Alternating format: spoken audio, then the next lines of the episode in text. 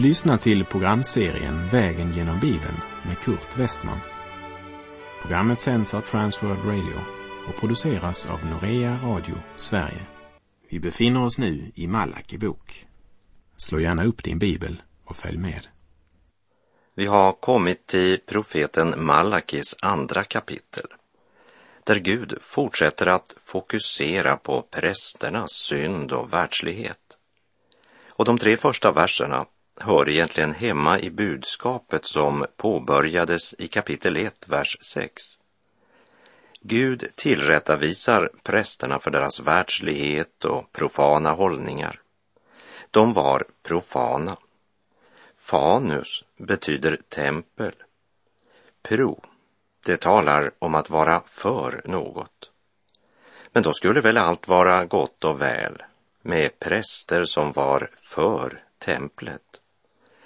Men det var just det som var problemet. Templet hade blivit trons centrum, inte Gud. Den förgyllda ramen hade blivit så viktig att man inte längre såg vem porträttet föreställde. Templet hade blivit vårt tempel istället för Guds tempel. Precis som bland fariseerna och de skriftlärda på Jesu tid. Du kanske kommer ihåg från vår vandring genom Johannes evangeliets elfte kapitel hur översteprästerna och fariseerna kallade samman Stora rådet därför att de inte visste vad de skulle ta sig till med Jesus. Och de undrade, vad gör vi? Den här mannen gör många tecken. Och jag citerar Johannes 11, 48. Om vi låter honom hålla på så här kommer alla att tro på honom. Och sedan kommer romarna och tar ifrån oss både vårt tempel och vårt folk. De betraktade alltså både Guds helgedom och folket som sin ägodel. Lägg märke till deras ord. Då kommer romarna och utplånar både vår heliga plats och vårt folk. De är inte längre församlingens tjänare, men dess herrar. Och det tempel som byggdes för att vara Herrens tempel och det folk som var kallat att vara Guds folk kallar fariseerna och översteprästerna för vårt tempel, vårt folk. Prästerna på Malaki tid betraktade sitt ämbete som en maktposition och blir därför mycket upptagna av templet. Det är templet som är centrum, ämbetet som blir viktigt och de religiösa traditionerna som blir det bärande. Man blir så för templet att man istället för att tjäna Gud och det folk de skulle vara herdar för tjänar templet och motarbetar Gud och vanärar hans namn. Och med ämbetets myndighet i ryggen kallar man detta bevakande av sin maktposition för gudstjänst. Man hade blivit så pro fanus, så för templet, att man inte längre var upptagen av om Herrens härlighet fortfarande var kvar i templet eller inte. I första kapitlet hörde vi hur prästerna ringaktade och vanärade Guds namn när man frambar sjuka och vanställda djur som offer på Herrens altare. Man tog inte Guds föreskrifter på allvar, utan man menade att man själv kunde avgöra hur man skulle fira gudstjänst. Man gjorde det man själv tyckte kändes rätt. Gud måste ju vara imponerad av all den aktivitet som föregick i templet och alla dessa offer som bars fram. När verksamheten och organisationen blir målet förlorar man den allsmäktige ur sikte. Och det som skulle ha varit en välsignad kallelse, det blir en tung börda och en meningslös strävan. Inte är det mödan värt, sa prästerna och folket på Malaki tid. När det inte är Guds ande som fyller våra hjärtan så har vi mer rätt än vi själva anar när vi säger det är inte mödan värt. När vi i vår iver att göra gudstjänsten attraktiv för det ogudaktiga blir världsliga och får gudstjänster som inte är välbehagliga för Gud utan bara är att vanhelga Guds namn så står vi under förbannelsen. Det är viktigt att bli stilla inför det här. I en tid då många kristna bekännare tycks tro att bara Jesu namn blir nämnt så är det något positivt. Man tycks ha glömt att Guds namn ska hållas heligt. Och eftersom alla sanna troende är präster i det nya förbundet så är dessa ord i Malaki som riktas till prästerna verkligt något som angår alla oss troende. Vi läser Malaki kapitel 2, vers 1 och 2. Därför, präster, gäller nu detta bud för er. Om ni inte lyder och inte lägger på hjärtat att ära mitt namn, säger Herren Sebaot, skall jag sända förbannelse över er och jag ska vända er välsignelse i förbannelse. Ja, jag har redan vänt den i förbannelse eftersom ni inte har lagt detta på hjärtat. De tog inte sin kallelse på allvar och Gud skulle komma att straffa dem strängt när han skulle döma dem för deras synder. Varför skulle prästernas straff bli så strängt? På grund av deras position och stora ansvar. De såg mellan fingrarna med allt det här och gjorde gemensam sak med det folk som levde i andligt avfall och vanärade Guds namn. De såg mellan fingrarna med synden istället för att avslöja den. Och genom att de lät folket bära fram sjuka och halta djur, ja, till och med djur som förvärvats genom bedrägeri, så var ju de orsak därmed till att folket ådrog sig skuld inför Gud. Här går mina tankar till Herrens ord i Jeremia 23.11. Ty både profeter och präster är gudlösa. Även inne i mitt hus har jag mött deras ondska, säger Herren. Även gudstjänsten var präglad och styrd av köttet. Gud var inte intresserad i storslagna gudstjänster och imponerande program, men i lydnad för hans bud. Men man föraktade Guds ord och älskade religiösa aktiviteter. Men nu ropar Herren genom Malaki till prästerna. Ni är kallade att välsigna, men ni vanhelgar mitt namn och mitt tempel, så att jag måste vända er välsignelse i förbannelse. Genom sin respektlösa hållning och brist på Guds fruktan så drog de förbannelse både över sig själva och även över folket. Och nu kommer jag att säga något som kanske chockerar någon, men jag menar det verkligen. Jag ville hellre vara en gangster, ja, en mördare, än vara en pastor som går upp på predikostolen utan att äga tro i sitt hjärta och så servera några fromma klichéer och ett saltlöst budskap till församlingen. Ja, ve den människa som inte tar Guds ord på allvar och som ser mellan fingrarna med synden och inte varnar syndaren och som därmed drar förbannelse över sitt eget liv och över sina åhörare. Och hur fruktansvärt är det väl inte när man ger falsk tröst och gör det i Herrens namn under sken av sanning. Gud kommer att hålla en sådan människa ansvarig. Det kan du lita på.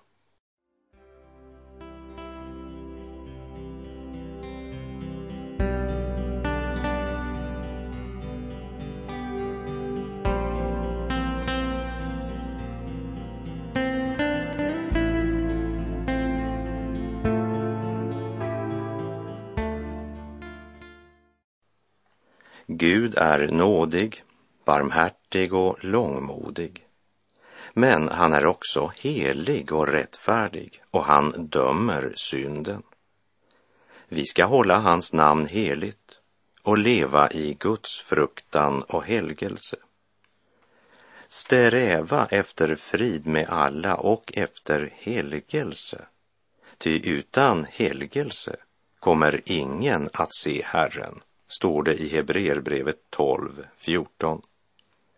Gud är barmhärtig, men han kallas också för herrarnas herre, den store, den väldige och fruktansvärde guden, som det står i femte Mosebok 10, 17. Hans namn skall hedras, respekteras och hållas i vördnad. Han skall äras prisas och tillbes i ande och sanning. Till kvinnan vid Sykars brunn så säger Jesus i Johannes 4.23. Men den tid kommer, ja, den är redan här, då sanna tillbedjare ska tillbe Fadern i ande och sanning, ty sådana tillbedjare vill Fadern ha. Jag ska vända er välsignelse i förbannelse, proklamerade Herren för prästerna på Malaki tid och han går ett steg vidare, Malaki 2, vers 3. Jag ska bryta er livskraft och slänga avfall i ansiktet på er, slaktavfall från era offerfester och man ska bära bort er tillsammans med den. Jag ska bryta er livskraft. I en annan översättning står det, jag ska ödelägga er säd. Gud hade rikligt välsignat det här folket och de hade fått stora och rika skördar. Och som du minns så skulle folket ge tionde av skörden till lön åt prästerna. Men nu vänds välsignelsen i förbannelse både på vete och kornåkrarna och i vingårdarna. Men det blir inte bara växtligheten som slår fel. Människans livskraft blir också bruten. Livet blir tomt och meningslöst. Och de kommer att skörda vad de har sått. De har burit fram orena offer. De har vanhelgat Herrens namn och Herrens altare. Och nu kommer Gud att servera dem själva all denna orenhet. Det som de menade var Guds tjänst var avfall i Guds ögon.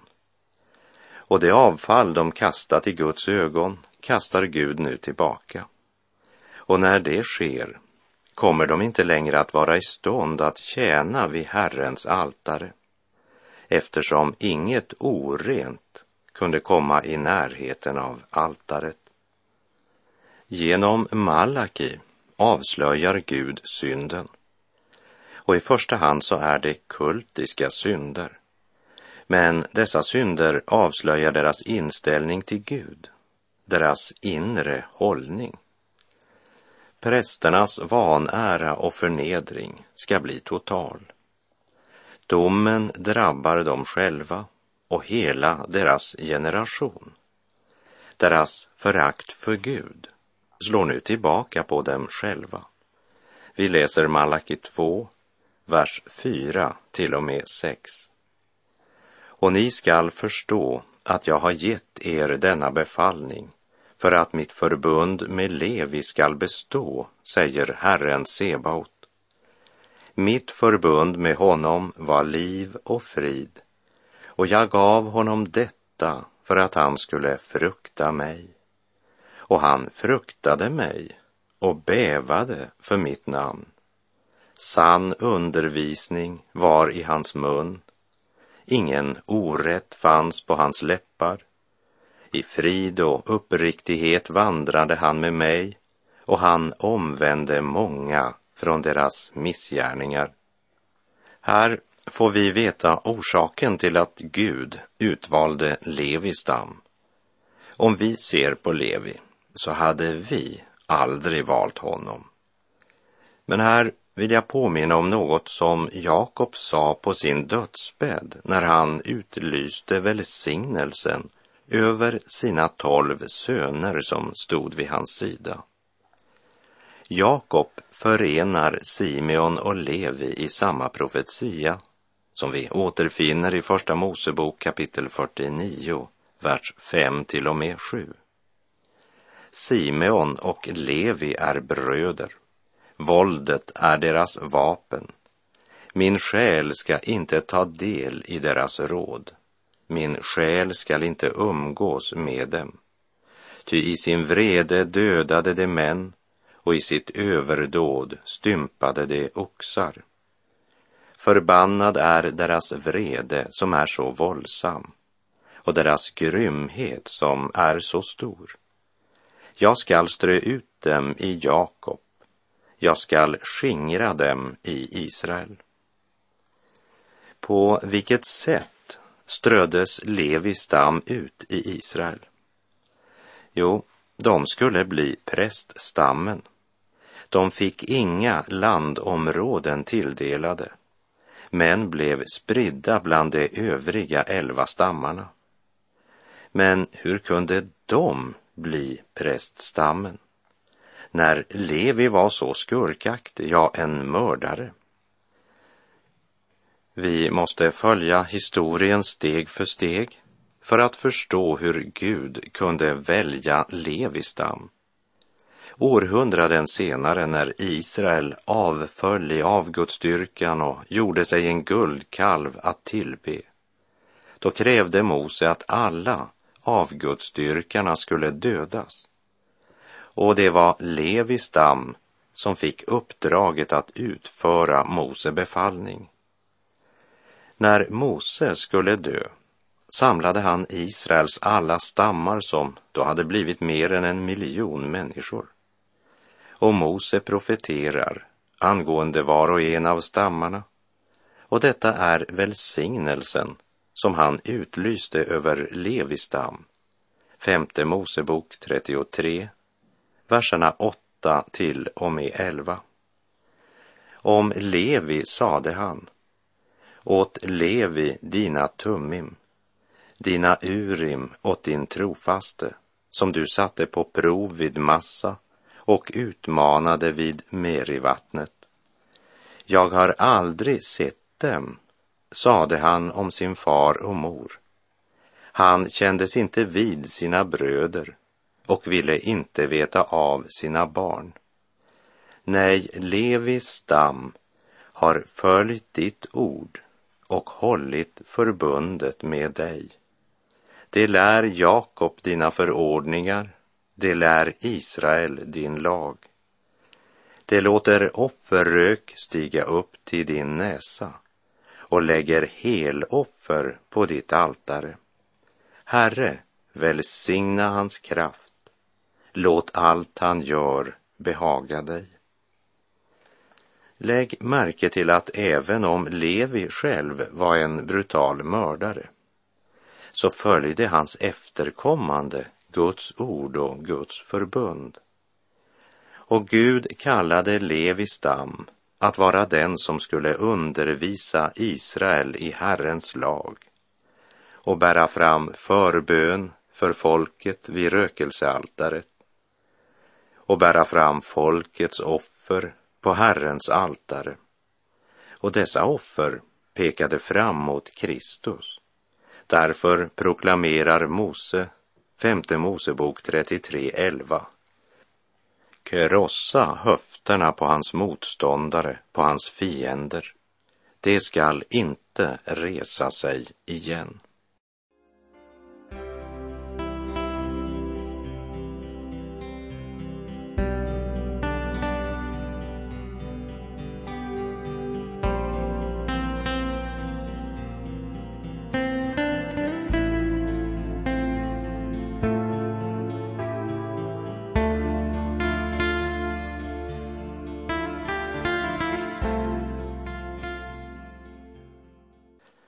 Herre, välsigna hans kraft. Låt allt han gör behaga dig. Krossa höfterna på hans motståndare, på hans fiender. Det skall inte resa sig igen. Det är det förbund Herren sluter med Levis stam. Han skulle undervisa Israel och göra bönetjänst vid rökelsealtaret och bära fram det offer som pekar fram mot Kristus. När vi går lite längre fram i historien, fram till Malaki tid och den lilla rest som återvänt till Israel efter fångenskapet i Babylon, hur är Levis stam då?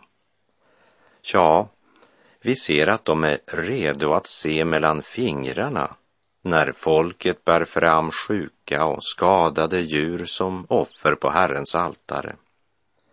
Han föraktar Guds namn och vanhelgar altaret, bryter Guds heliga bud. Hur ska han då kunna lära Guds ord till folket? Vilken förändring som hade skett med Levis stam. Inte ens efter 70 års fångenskap hade de dragit mer andlig lärdom än så. Mitt förbund med honom var liv och frid och jag gav honom detta för att han skulle frukta mig och han fruktade mig och bävade för mitt namn. Genom Malaki säger Herren att det tidigare hade Levis stam fruktat Gud och bävat för Guds namn, men nu gör de inte det längre. Med generationsväxlingarna hade det ägt rum en kolossal inre förändring med prästerskapet. De följde nu tidens strömningar och folkets bedrägliga hjärtan. Sann undervisning var i hans mun. Han hade förkunnat Guds ord rent och klart, medan prästerna på Malaki tid inte bara hade felat när det gällde Guds ord och Guds bud, men de bröt också hans heliga lag genom det sätt på vilket de levde i vardagen. Sann undervisning var i hans mun. Ingen orätt fanns på hans läppar. I frid och uppriktighet vandrade han med mig och han omvände många från deras missgärningar, säger Herren vidare. Levistam, prästerna, hade varit ett gott exempel för folket. De undervisade och lärde rätt och de levde som de lärde. Och här ligger en rik andlig lärdom för oss som lever idag. Ingen kan tjäna Gud som inte har respekt för Herrens namn. Det betyder att Kristus måste lyftas upp inför folket där den uppståndne Kristus får vara centrum och lyfts fram. Där drar Kristus själv människorna till sig. Och när jag har blivit upphöjd från jorden skall jag dra alla till mig, säger Jesus själv i Johannes 12.32. Låt oss i allt upphöja Kristus och allt vad ni gör i ord eller handling, gör det i Herren Jesu namn och tacka Gud, Fadern, genom honom, skriver Paulus i Kolosserbrevet 3.17. Vårt exempel är lika viktigt som det vi säger. Malaki 2, vers 7. Ty prästens läppar skall bevara kunskap och undervisning ska man hämta ur hans mun. Han är en budbärare från Herren Sebaot. Den utomordentligt höga kallelsen att vara Herrens budbärare och dessutom äga löftet om syndernas förlåtelse, evigt liv och evig salighet. Och redan nu den helige Ande i våra hjärtan. Det gör sveket mot Gud och hans ord så oerhört allvarligt. Vi läser profeten Malaki kapitel 2, verserna 8 och 9. Men ni har vikit av från vägen. Genom er undervisning har ni kommit många på fall. Ni har fördärvat förbundet med Levi, säger Herren Sebaot.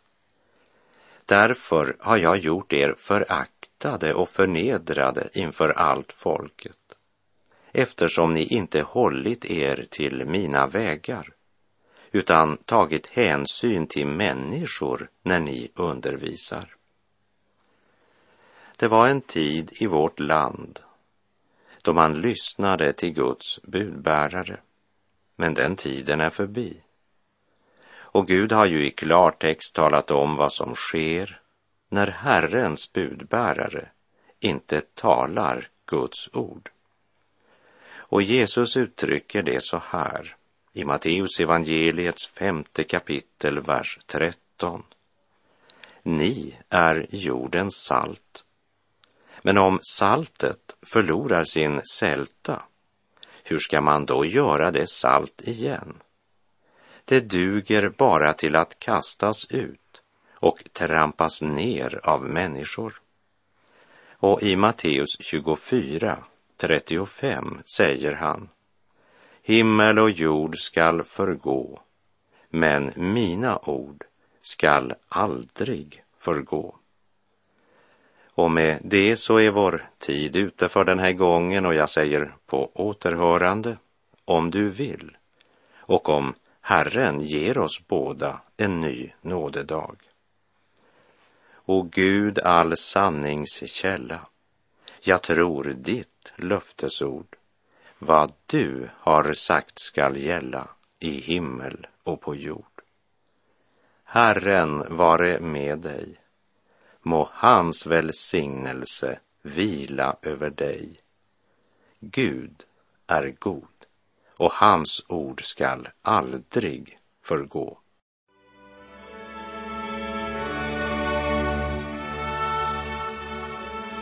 Du har lyssnat till programserien Vägen genom Bibeln med Kurt Westman som sänds av Transworld Radio. Programserien är producerad av Norea Radio Sverige. Om du önskar mer information om vårt radiomissionsarbete så skriv till Norea Radio Sverige, box 3419 103 68 Stockholm. Adressen är alltså Norea Radio Sverige box 3419. Postnumret 10368 Stockholm.